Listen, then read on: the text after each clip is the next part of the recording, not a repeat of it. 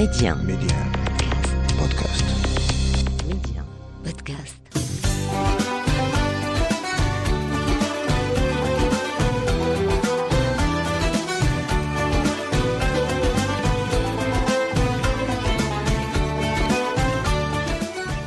أرحب بكم في عدد جديد من لالا بلادي أرض الخير والخصب والبركة.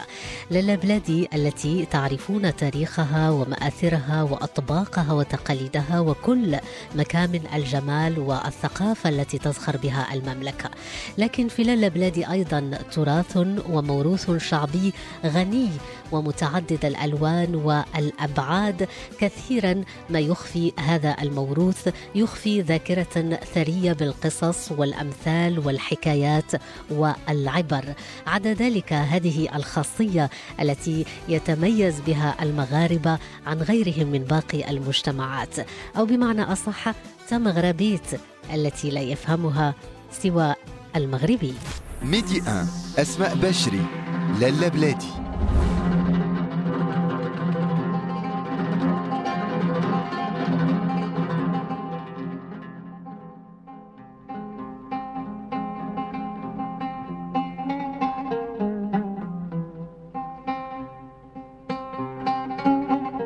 لالا بلادي اليوم نخصصها لعبق التاريخ وصدى الأندلس. اللذان يلمسان بشكل كبير في حاضر المملكة المغربية الضاربة الجذور في التاريخ.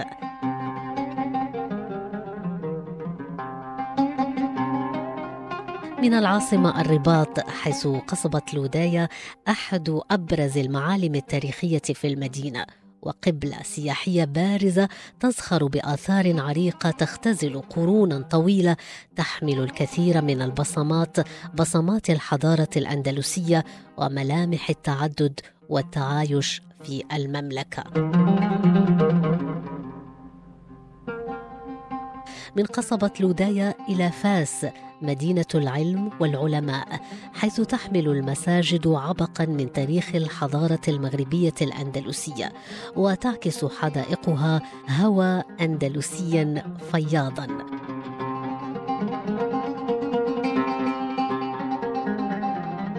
ومن قصبة لودايا إلى فاس مرورا بطنجة تطوان حيث التاريخ المغلف برائحة الأندلس التي تصارع لإبقاء عبقها في هذا المكان شاهدا على حقب تاريخية حافلة بالعطاء.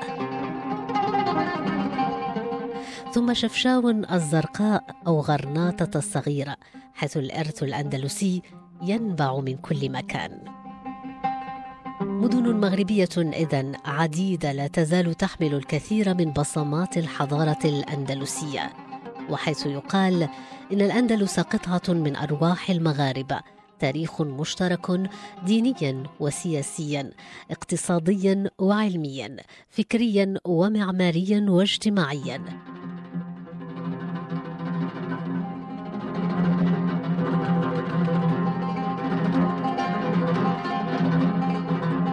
مدينة تطوان لوحدها تمثل نموذجا متميزا للمدينة ذات الطابع الأندلسي الخاص وتعتبر أيضا نموذجا للحضور الأندلسي بالمغرب بسبب احتفاظها بهذا الإرث الذي يبدو واضحا في معالمها التاريخية وفي عاداتها وتقاليدها وحتى في ألقاب أسرها وفي مختلف مظاهر حضارتها. ما زالت المدينة تحتفظ بفن المعمار الأندلسي داخل جدرانها وما زال سكان تطوان يحتفظون بالموسيقى الأندلسية بالطرز وبالصناعة التقليدية التي تشبه إلى حد كبير غرناطة في أزقتها وطريقة بنائها.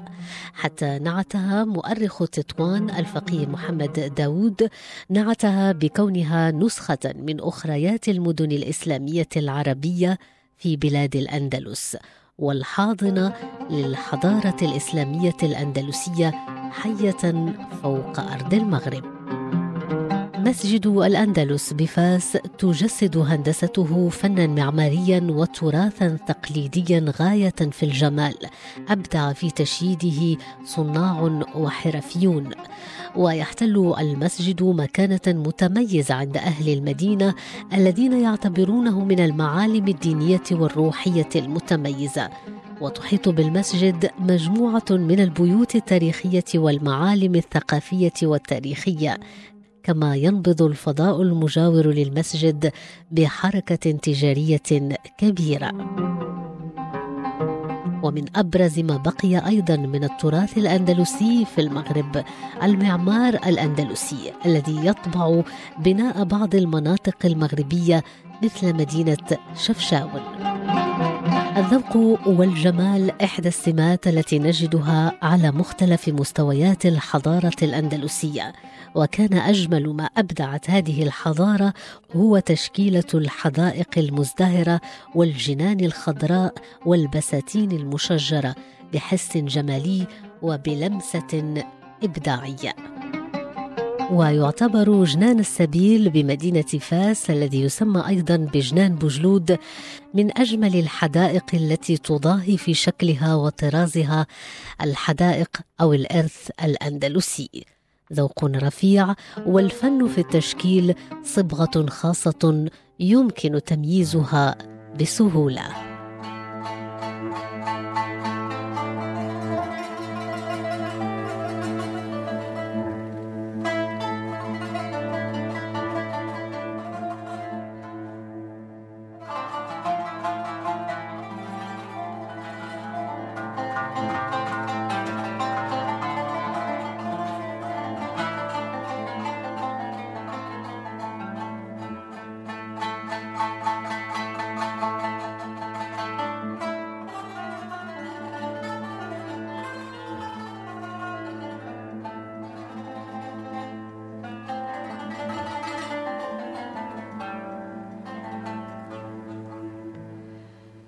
جادك الغيث إذا الغيث هما.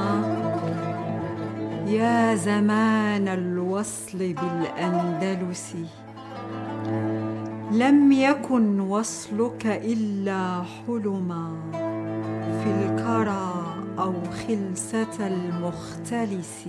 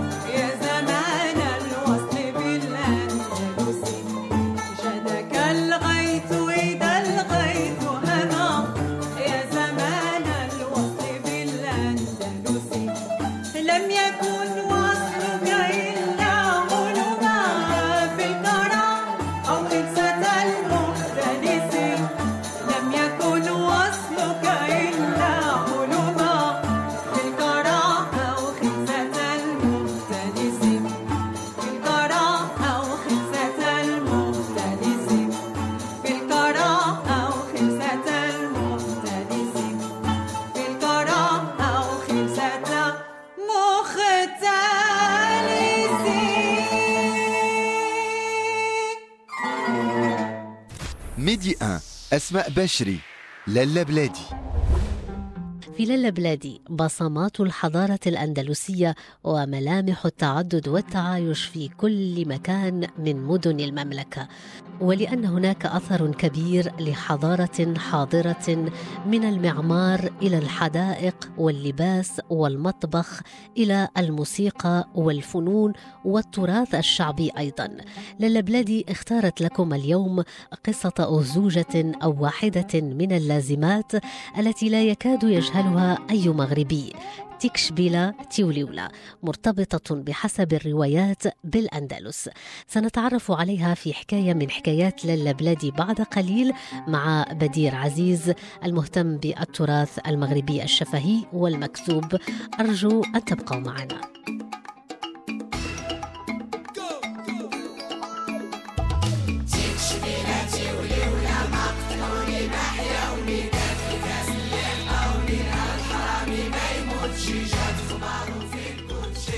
تكشبيلا تيوليولا من الأغاني أو الأقوال المأثورة التي تميز الثقافة المغربية دون سواها من كل الثقافات. طبعا الكثير من الأشخاص يرددون هذه الكلمات التي تعتبر من أحد الأناشيد التي يغنيها الصغار والكبار دون أن يعلموا حقيقة نشأتها. لكن الجواب يحمله لنا اليوم بدير عزيز لنستمع.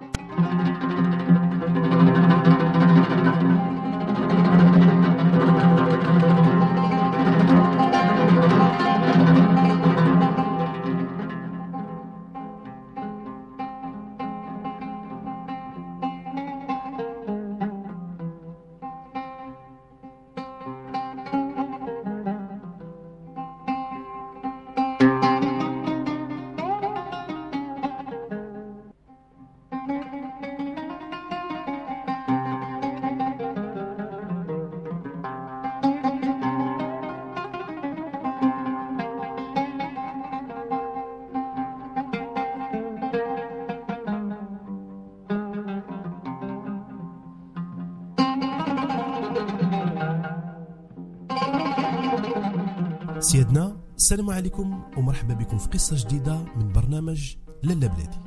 والقصة ديال اليوم غادي ترجع بنا للوراء وتحديدا لمرحلة الطفولة. وملي كنقولوا الطفولة أكيد كنتذكروا الأشياء الجميلة اللي كانت عندنا. وفي كل مرة كنتجمعوا فيها مع العائلة ولا مع الأصدقاء كيجينا الحنين لهذيك الذكريات الجميلة اللي كنا كنعيشوها في الطفولة ديالنا. ومن بين الأشياء الجميلة اللي كانت في الطفولة هي الأغاني اللي كنا كنغنيو.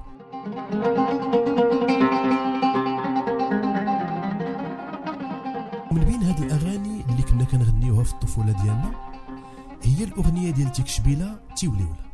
وكتقول الكلمات ديال هاد الأغنية تيكشبيلا تيوليولا ما قتلوني ما حيوني غير الكاس اللي عطاوني الحرامي ما يموتشي جات خبارو في الكوتشي. هاد الأغنية هادي بالرغم من أن التكنولوجيا طغات على الحياة اليومية ديالنا إلا أنه باقي الاطفال إلى يومنا هذا كيرددوا هاد الأغنية هادي وكيحتفلوا بها. بل أكثر من هذا حتى في الاعراس المغربيه كنسمعوا هاد الأغنية. هادي ولكن السؤال اللي ما عمرنا طرحناه في الطفولة ديالنا على هاد الأغنية وعلى الكلمات ديالها لأننا الا شدينا هاد الأغنية ودققنا فيها واحد شوية غنلقاو بأن الكلمات ديالها بعيدة كل البعد على الطفولة وعلى الكلمات اللي كنداولوها بيناتنا في هذاك السن الصغير. ملي بدينا تنكبروا شي شوية بدا الفضول ديالنا كيتزاد على المحتوى ديال هذه الأغنية وعلاش تيك شبيلتي ولولا وكيفاش الحرامي ما يموتش؟ إلى آخره من الكلمات ديال الأغنية. فإذا بنا كنكتشفوا باللي هذه الأغنية هذه عندها واحد القصة. والقصة ديالها قصة حزينة وبعيدة كل البعد على الطريقة اللي كنا كنتغنوا بها.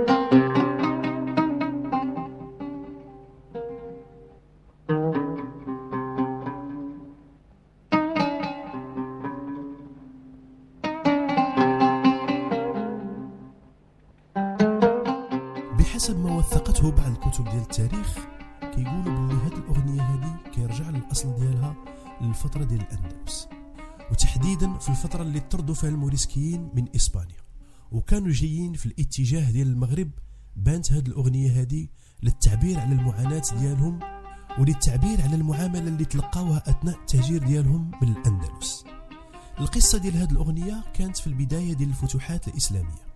في هذيك الوقت موسى بن نصير جهز واحد الجيش قوامه 700 ألف جندي بقيادة طارق بن زياد وتوجهوا للشمال ديال إسبانيا لفتح الأندلس.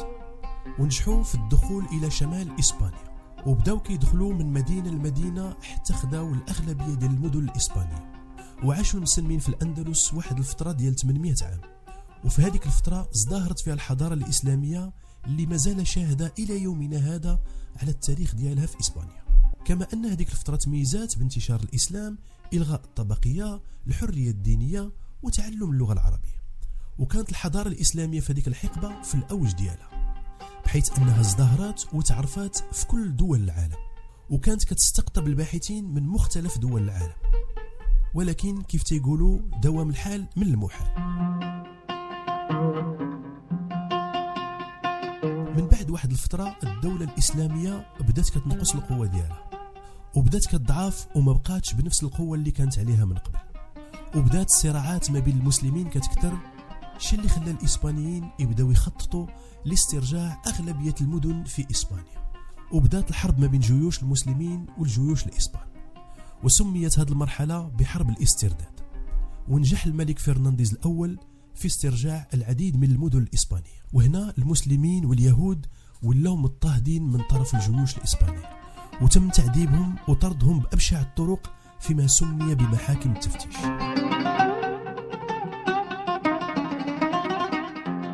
هذيك الوقيتة اللي طردوا فيها من الأندلس وهما راجعين في طريقهم إلى شمال إفريقيا. بدا البعض منهم كيردد هذه الكلمات ديال الأغنية ديال تكشبيلة تيولي.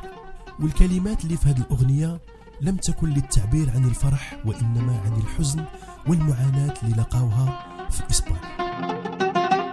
والشرح ديال الكلمات ديال الأغنية وعلى حسب بزاف ديال المؤرخين كيقولوا باللي القصد من تكشبيلة تيوليولا تكشبيلة كيعنيو بها تلك إشبيليا. تيوليولا هي سنولي لها أي سنعود إليها. غادي نرجعوا لها ما قتلوني ما حياوني كيعنيو بها باللي التعذيب اللي تعرضوا ليه ما خلاهم يموتوا في مرة واحدة ما خلاهم يعيشوا في مرة واحدة الحرامي ما يموتش. الحرامي المقصود بها هنا هو الإسباني. ما يموتش كتعني بأنه بالرغم من أن المسلمين فتحوا الأندلس إلا أن الإسباني ما ماتش وغادي يرجع للبلاد ديالو. جات خبارو في الكوتشي. يعني الناس اللي نقلوا لنا هذا الكلام هذا جاوا على طريق الكوتشي. والكوتشي في اللغة الإسبانية كتعني السيارة. وفي الدارجة المغربية الكوتشي هما دوك العربات اللي كيكون فيهم واحد العود بحال اللي كاينين مثلا في مراكش اللي كينقلوا السياح في المدينة. ومن طبيعة الحال كاين مجموعة ديال التأويلات على هذه القصة هذه ولكن حنا حاولنا أننا نختار لكم الراجح منها والقريب إلى الصواب وكانت هذه هي القصة ديال أغنية تكشبيله تيوليولا واستمرار هذه الأغنية هذه بيناتنا إلى يومنا هذا ما هو إلا دلالة على تجذر الأندلس في عمق الذاكرة المغربية. وما بقى لي إلا نقول لكم كان معكم بدير عزيز وإلى لقاء آخر إن شاء الله. والسلام عليكم.